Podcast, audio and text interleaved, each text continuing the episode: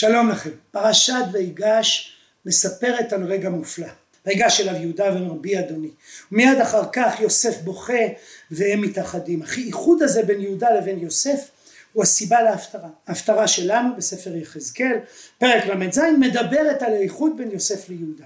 מדברת על שני עצים שהנביא ייקח, הוא יחבר אותם יחד והיו לאחדים. ויהי דבר אדוני אלי לאמור ואתה בן אדם קח לך עץ אחד וכתוב עליו ליהודה לבני ישראל חבריו.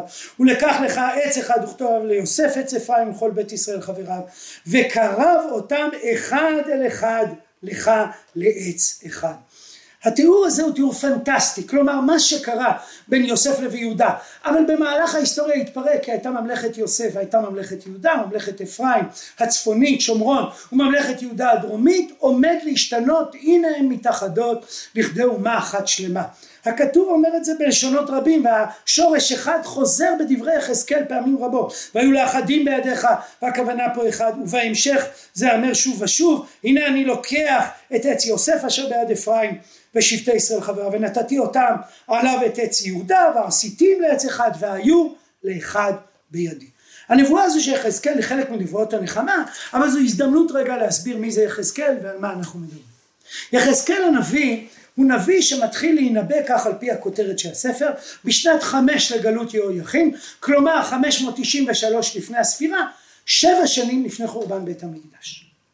יש פה אמירה מאוד דרמטית למרות שארץ ישראל עדיין תחת מלכות של יהודה, צדקיהו המלך, למרות שבית המקדש כבר קיים, יש כבר גולים בימי יהויכין שגלו לבבל, והשם, הקדוש ברוך הוא, שולח נביא אל בבל להיות איתם שם. זאת אמירה מאוד דרמטית, משום שיש פה אמירה שגם בבבל הקדוש ברוך הוא נמצא, גם עם הגולים הוא יימצא, וזה כמו שאתה לוקח פלאפון איתך שאומר אני יכול בכל רגע להתקשר הקשר עדיין נשמע. יחזקאל מנבא ובעצם יש שתי תקופות ביחזקאל ופרק כ"ד עושה את זה בצורה מאוד בהירה הוא מתאר את הרעיון הזה שיש את נבואות יחזקאל עד יום החורבן או עד היום שבו החורבן בעצם אה, מתגלה ליושבי בבל ומהרגע שהחורבן אירע או כולם יודעים כבר על החורבן ובפרק כ"ד פרק מאוד קשה שמדבר על מותה של אשתו של יחזקאל הוא מתאר את הדברים ואתה בן אדם הלא ביום קחתי מהם את מעוזם משוש תפארתם את מחמד עיניהם משא נפשם כלומר בית המקדש. ביום ההוא יבוא הפליט יבוא הפליט אליך להשמעות אוזניים ביום ההוא יפתח פיך את הפליט ותדבר ולא תאלם עוד. והיית להם למופת וידעו כי אני אדוני יש את נבואות יחזקאל על החורבן ויש נבואות יחזקאל מהחורבן. ובאמת, יחזקאל בא לומר שיש תקווה, שהסיפור לא נגמר, שהחורבן הוא לא סוף פסוק. נסו רגע לדמיין אנשים שגרים ביהודה, שלא חוו מעולם חורבן בית מקדש. אנחנו רגילים כבר, כי יש לנו שניים, ראשון ושני. תנסו לדמיין אנשים שבהיסטוריה היהודאית שלהם, יהודה ניצלה מפני סנחריב. היא גברה עליה כי זה בית השם לא יבוא פה ב, אה, לא יבוא פה אומר ישעיהו וכן אכן כך קורה פתאום חרב המקדש. אולי זה אומר שסוף פסוק שנגמר, אולי כמו שבטי הצפון שנעלמו להם והתפוגגו להם במלכות אשור הגדולה בשנים 722 או 732 לפני הספירה, לפני כמאה 200 שנה. יש פה נביא שבא לומר זה לא יקרה הפעם, הפעם חוזרים. ולכן יש פה נבואות נחמה, הפרק שאנחנו קוראים, ההפטרה שאנחנו קוראים היא חלק מנבואות הנחמה של יחזקאל, חזון העצמות היבשות והמראה הנבואי על המקדש בפרקים ממד מ"ח, יש פה איזה תמונה של בעצם היטהרות ותקווה גדולה וחזרה מן הגלות אל ארץ ישראל. והנביא פה מחדש חידוש עצום שלא נאמר כמותו קודם שיהיה קיבוץ גלויות אבל לא רק קיבוץ גלויות כי את זה אמרו אחרים שנשוב מכל מיני מקומות שהי"א וכדומה אלא שנהיה לממלכה אחת. בדרך כלל כשהנביאים דיברו על קיבוץ גלויות אמרו שיבואו מכל הגלויות אל ארץ ישראל וכאן הנביא חשוב אומר פה דבר מאוד גדול והיו לעץ אחד. תהיה ממלכה אחת. בעצם יש פה ביטול של פילוג הממלכה. יש פה מבט שלילי על פילוג הממלכה אי שם בעקבות מותו של שלמה ורחבעם וירובעם ואמירה אנחנו חוזרים להיות עם אחד. והתיאורים כל כך יפים ומהודקים וחוזרים על עצמם ואתה בן אדם קח לך עץ אחד וכתוב עליו ליהודה ולבני ישראל חבריו ולקח לרעץ חיותו ליוסף את ספר לכל בית ישראל חבריו. וקרב אותם כמו ויגש יהודה בפרשה הנביא עושה את זה במעשה סימבולי. והתמונה הזו של מעשה סימבולי שמבטא את זה היא דבר נפוץ בספרות הנבואה וגם נפוץ בספר יחזקאל עצמו ושם בפרקים ג' וד' יש שם מעשים נבואיים שהוא עושה פעולות שגורמות תמיהה מעשים נבואיים יש להם המון משמעויות. בהפטרה שלנו אפשר להציע שיש פה מעשה מיסטי או מעשה סימבולי רטורי. האם כשהנביא מחבר את העצים הוא בעצם יוצר ממשות? זה ייקח זמן עד שזה יקרה אבל זה כבר קרה. כמו שאלישע מבקש מיהושיהו לרוע את החיצים ובעצם כשהוא יורה יאשיהו שלוש פעמים זה אומר ששלוש פעמים ננצח ולא יותר. או שזה בעצם מעשה סימבולי שמסמל את הרעיון אבל זה טקטיקה רטורית לצור עניין. הדבר הזה ניכר מאוד ביחזקאל וגם בפרק שלנו. כי אם נקרא מה קורה ודבר עליהם כן? כה אמר אדוני אלוהים הנני לוקח את בני ישראל מבין הגויים אשר הלכו שם וקיבצתי וכולי וכולי אבל שימו לב בפסוק י"ח בהפטרה והיה כאשר יאמרו אליך בני עמך לאמור הלא תגיד לנו מה אלה לך מה אתה עושה מעשה סמלי הוא דרך להתגבר על מנגנוני הגנה והדחקה והאטימות. עומד הנביא ועושה משהו מוזר, משהו מוזר מושך את תשומת הלב. מעורר שאלה, והיה כי שאלך, לא בנך, אלא אה, אנשי העיר, אנשי המקום, אז אתה יכול להשיב, אתה יכול לענות. ולכן למעשה סמלי יש תפקיד בספרות הנבואה ביחזקאל בפרט. והמעשה מעורר תהייה ומעורר שאלה. יחזקאל רוצה לעורר אותה. ואני חושב שהמעשה הוא מוזר הוא כל כך מובן לי, אבל הוא מוזר לאנשי בבל. למה? כי הם גרים בבבל. ומי שמע בכלל על אנשי ישראל? הם התפוגגו, הם נעלמו. ועומד פה הנביא וכותב אה, לבני יוסף, כותב לבני יהודה, מחבר את זה, הוא אומר פה משהו דרמטי שלא צפו לו, משהו דרמטי שלא היה כמותו. ועשיתים לעץ אחד והיו לאחד בידי. והיו העצים אשר תכתוב עליהם בידך לעיניהם. אתה צריך להחזיק את זה ואז לדבר, ודבר עליהם כה אמר אדוני אלוהים. הנה אני לוקח את בני ישראל בין הגויים אשר הלכו שם וקיבצתי אותם מסביב והבאתי אותם אל אדמתם ועשיתים אותם למה? לגוי אחד בארץ בערי ישראל ומלך אחד יהיה לכולם למלך ולא יהיו עוד לשני גויים ולא יחצו עוד לשתי ממלכות עוד וכולי וכולי. התיאור הזה שיהיה מלך מבית דוד הוא תיאור שכבר הופיע בספר. הרעיון הזה שמנהיגות בית דוד נמצא בספר אה, עוד כמה פעמים. לעתים בדרך כלל קוראים לו נשיא או רועה, כאן קוראים לו מלך, ואחדות תהיה מלאה תחת מלך אחד. אם נדקדק בדברי יחזקאל, הרי שהאיחוד קצת שונה מהפרשה. בפרשה יהודה ניגש אל יוסף, יוסף הוא המנהיג, יוסף הוא המקבל את כולם, יוסף הוא האב בעצם שכולם מתקבצים תחתיו. יחזקאל הופך את הקערה ואומר המנהיגות תהיה מנהיגות של יהודה. בעצם אם נקשיב רגע לפסוקים נראה שקודם כל המלך יהיה מבית דוד. יתרה מזו שימו לב לניסוח על, על העץ של יהודה כתוב וכתוב יהודה ולבני ישראל ועל העץ של יוסף כתוב עץ אפרים וכל בית ישראל שימו לב להבדל בין בני ישראל לבית ישראל העץ הראשון יהיה יהודה העץ השני יהיה יוסף העץ של יהודה הוא זה שנקרא בני ישראל. בדרך כלל אגב בעולם הנבואה זה היה הפוך כי ישראל יעקב יעקב צפון ישראל זה לא יהודה ממלכת ישראל כאן הנביא אומר לו לא בני ישראל זה יהודה הם בני ישראל ואילו יוסף זה בית ישראל ואני מביא את בית ישראל אל בני ישראל את יוסף אל יהודה וקרב אותם אחד אל אחד לעץ אחד וכולי וכולי. הנה אני לוקח את עת יוסף אשר ביד אפרים שבטי ישראל חבריו ונתתי אותם נתתי אותם עליו את עץ יהודה ועשיתים לעץ אחד. בעצם יהודה הוא המרכז וזה ההיפוך שבין הפרשה לבין ההפטרה. כשמעיינים בהפטרה אפשר לראות והעיר על זה בצורה נפלאה מורי ורבי פרופסור רימון כשר שכתב פירוש חשוב מאוד לספר יחזקאל פירוש בסדרת מקרא לישראל, הוא הראה שהמון נגדים בפרק שלנו כבר נאמרו קודם.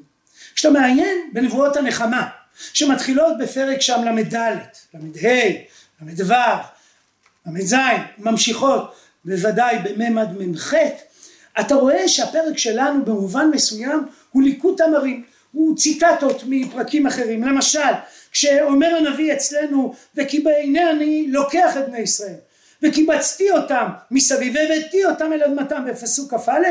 הדברים נאמרו קודם בפרק ל"ו וגם בפרק ל"ד וקיבצתי אתכם מכל הארצות והבאתי אתכם על אדמתכם. זה אותן מילים והבאתי אותם אתכם על אדמתכם. או וקיבצתי מן הגויים והבאתים על אדמתכם. או כשאצלנו בפרק הנביא אומר והבאתי למשל ועשיתים אותם ועשיתי אותם לגוי אחד בארץ בערי ישראל זה מופיע בפרק ל"ז והבאתי אתכם אל אדמת ישראל או אל הרי ישראל בפרק אחר. או כשהוא אומר בפסוק ל"ג אצלנו בהפטרה והושעתי אותם מכל משבותיכם ובהמשך ותיארתי אותם יש פה ישועה וטהרה אותה תמונה מופיעה בפרקים אחרים רק במבנה הפוך בפרק ל"ו אומר הנביא וזרקתי עליכם מים טהורים ותרתם ושני פסוקים קדימה בפסוק כ"ט והושעתי אתכם.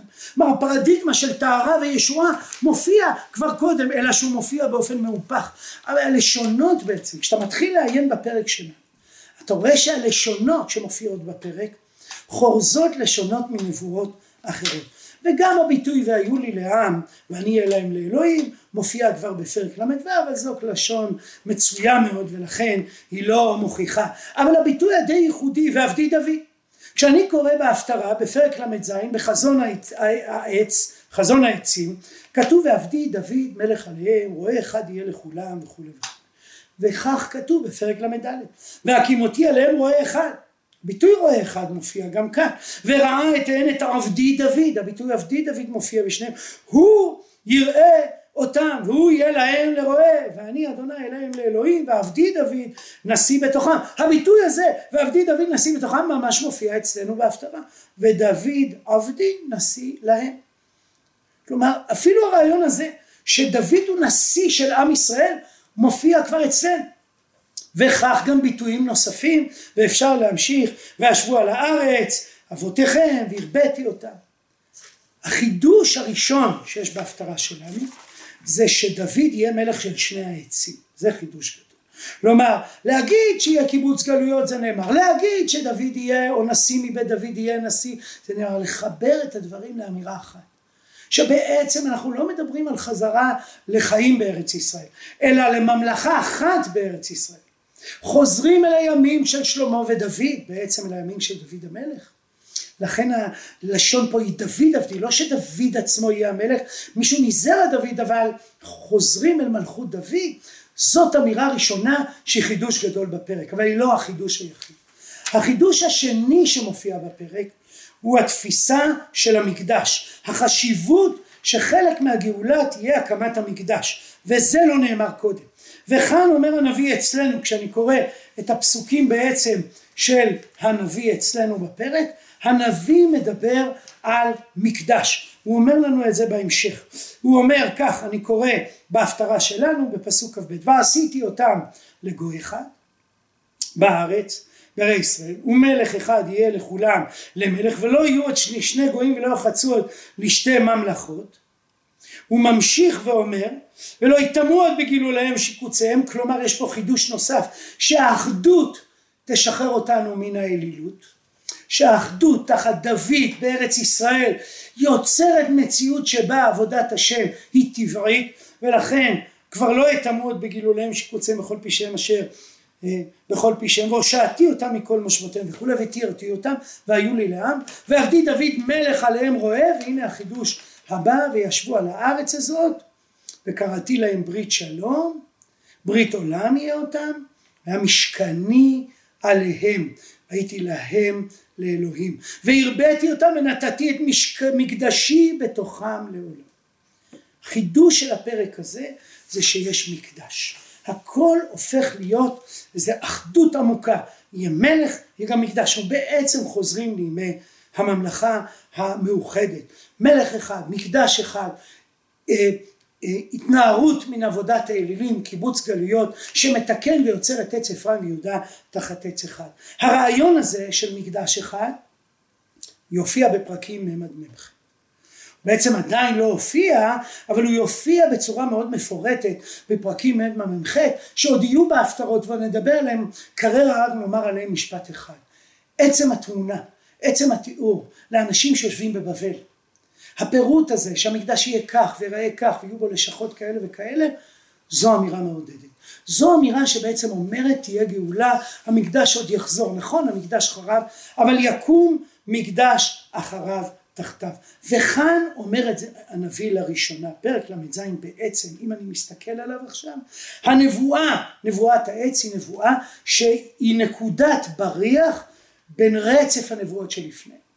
פרקים ל"ד ובעיקר ל"ה ל"ו והמחצית הראשונה של ל"ז הוא בעצם עצם הבריח הוא נקודת הבריח שגם מקדים את הנבואות בממד מ"ח שמדברים על הקמת המקדש. הוא מכווץ אל תוכו, הוא אה, מאסף אל תוכו את כל רעיון הגאולה של יחזקאל. אם, אם מבקשים פרק אחד שמתאר את כל התהליך, שמתאר קיבוץ גלויות, הוא מתאר טהרה, הוא מתאר התכנסות דרך נשיא אחד, מלך אחד, בארץ ישראל, תחת מקדש אחד, זה בעצם הפרק הזה. בכל נבואה היגדים מסוימים קיבלו את המקום שלהם.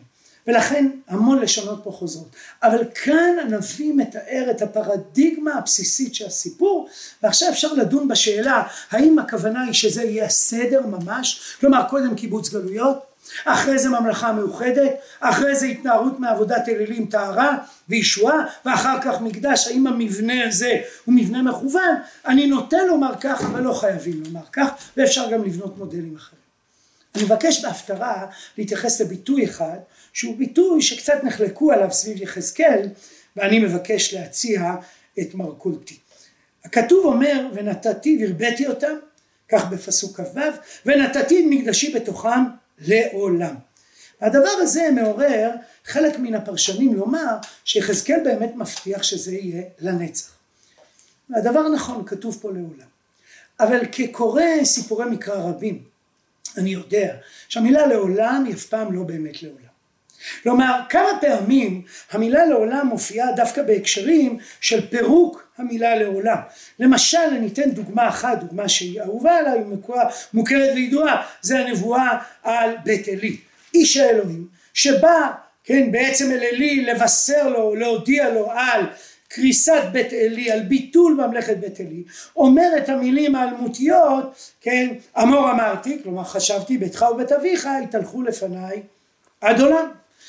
גם בהגדים ישירים הרבה פעמים נאמר לדוד שמלכות בית דוד תהיה לעולם ומיד אחרי זה יש הסתייגות. המילה לעולם אפילו בחוק המקראי אפילו בהלכה וזה עניין אחר עוד נדבר עליו או דיברנו עליו בשיעורי פרשת שבוע על פסח למשל או על היתר בשר תאווה אתם מוזמנים לצפות ביוטיוב בשיעורים האלה המילה לעולם פירושה באמת זאת המטרה, לנצח עד להודעה חדשה, אה, באופן פשוט כך זה ימשיך, כוכבית אלא אם כן משהו יישבר. זה אפילו מופיע ביחזקאל עצמו בנבואה על המקדש, שם בפרקים מ"ג, אה, נדבר על זה בהמשך בהפטרה אחרת, ואני חושב שהאמירה לעולם באה לייצר אופציה, באה לייצר אידיאל, באה לייצר תמונה שהיא חזון אפשרי, זה יכול להיות לעולם. סכנה של המילה לעולם זה הניוון. התחושה שזה מובטח לנו, שזה יקרה ולא משנה מה נעשה. לכן הנבואה בעומק משתמשת במילה לעולם אבל גם מסייגת את המילה לעולם כי היא רוצה מצד אחד ליצור תחושה של ודאות, תחושה של אופציה ראויה, נכונה, טבעית, מתמשכת אבל הרבה פעמים גם רוצה לפרום אותה כי רוצה להשאיר את האדם תלוי על בלימה, מגויס ומכוון ולא נח על זרי הדפנה ואומר עכשיו הקדוש ברוך הוא הבטיח לעולם אז הכל בסדר. אם אני חוזר לנבואת יחזקאל הרי שלשאת נבואה כזו בבבל בתוך מציאות של משבר גדול זה עצמו דבר גדול לשאת נבואה בבבל שאומרת שני העצים יתאחדו לעץ אחד ושבי ציון יצטרפו אל אה, גולי שומרון זה אמירה גדולה, ולומר שזה תחת מלכות אחת, תחת מקדש אחד, הרי שהדברים יוצאים מגדר הרגיל ופורצים את הגבולות של המציאות האנושית. מציאות האנושית כפי שבני האדם ראו אותה כשישבו בבבל. בעלי ההפטרה אומרים, יש סיפור של שבר, הנה בפרשה השבר התאחה לרגע, הנה יש פוטנציאל של פיוס בין יהודה לבין יוסף, ניתן, הנה יהודה ויוסף התאחדו, האיחוד הזה היה זמני, האיחוד הזה לא החזיק מעמד ויהודה ויוסף התפרקו לשתי ממלכות יבוא יום נחזור אל האידיאל. מה האידיאל? האידיאל הוא אחדות. האידיאל הוא אחדות שלמה שבה תחת מלך אחד, בארץ אחת, תחת ממלכה אחת, בעצם יש פה איזה מהלך של חיבור. אני הרבה פעמים שומע את סיפור יוסף ואחיו, אחד הסיפורים הכי רלוונטיים לחברה הישראלית. האם באמת אנחנו מסוגלים להתפייס? האם באמת אנחנו מבינים שאנחנו עץ אחד? האם העובדה שאנחנו שני עצים היא סוף הסיפור או התחלה של סיפור גאולה? וזה מוטל גם עלינו, הנביא מתאר פה איזה דיבור אלוהי, אבל בסוף הוא מוטל עלינו, לחבר את עת יוסף עם עץ יהודה, ובאמת ליצור מציאות של אחדות. זה מסובך, זה קשה, אבל זה חלק מן הגאולה, ואולי זה אפילו בפרק שלנו, תנאי לחלק הבא של הגאולה.